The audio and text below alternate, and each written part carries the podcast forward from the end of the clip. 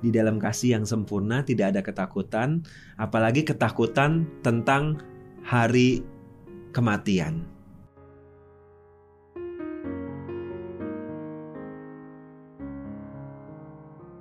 Sabar merupakan kata yang mudah diucapkan. Namun untuk melakukannya dibutuhkan kesungguhan.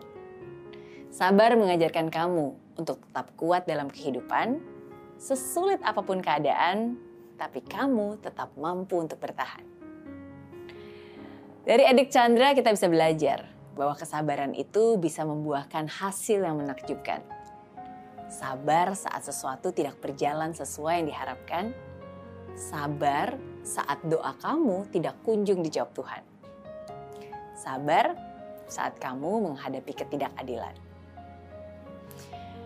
Namun di balik kesabaranmu, kamu juga butuh hikmat agar bisa bertindak bijak.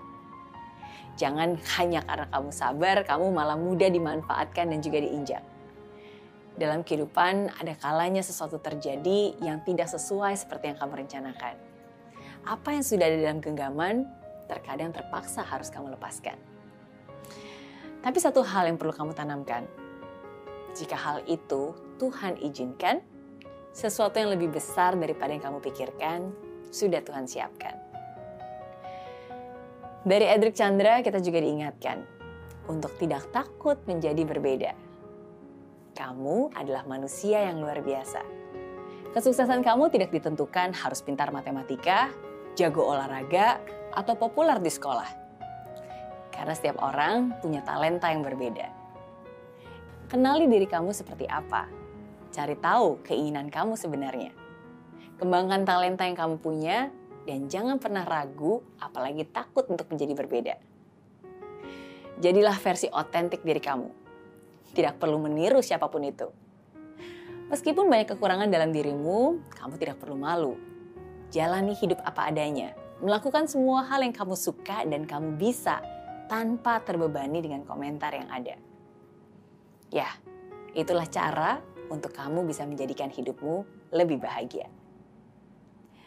Saya Mary Riana, and this is Zero to Hero Lessons from Edric Chandra.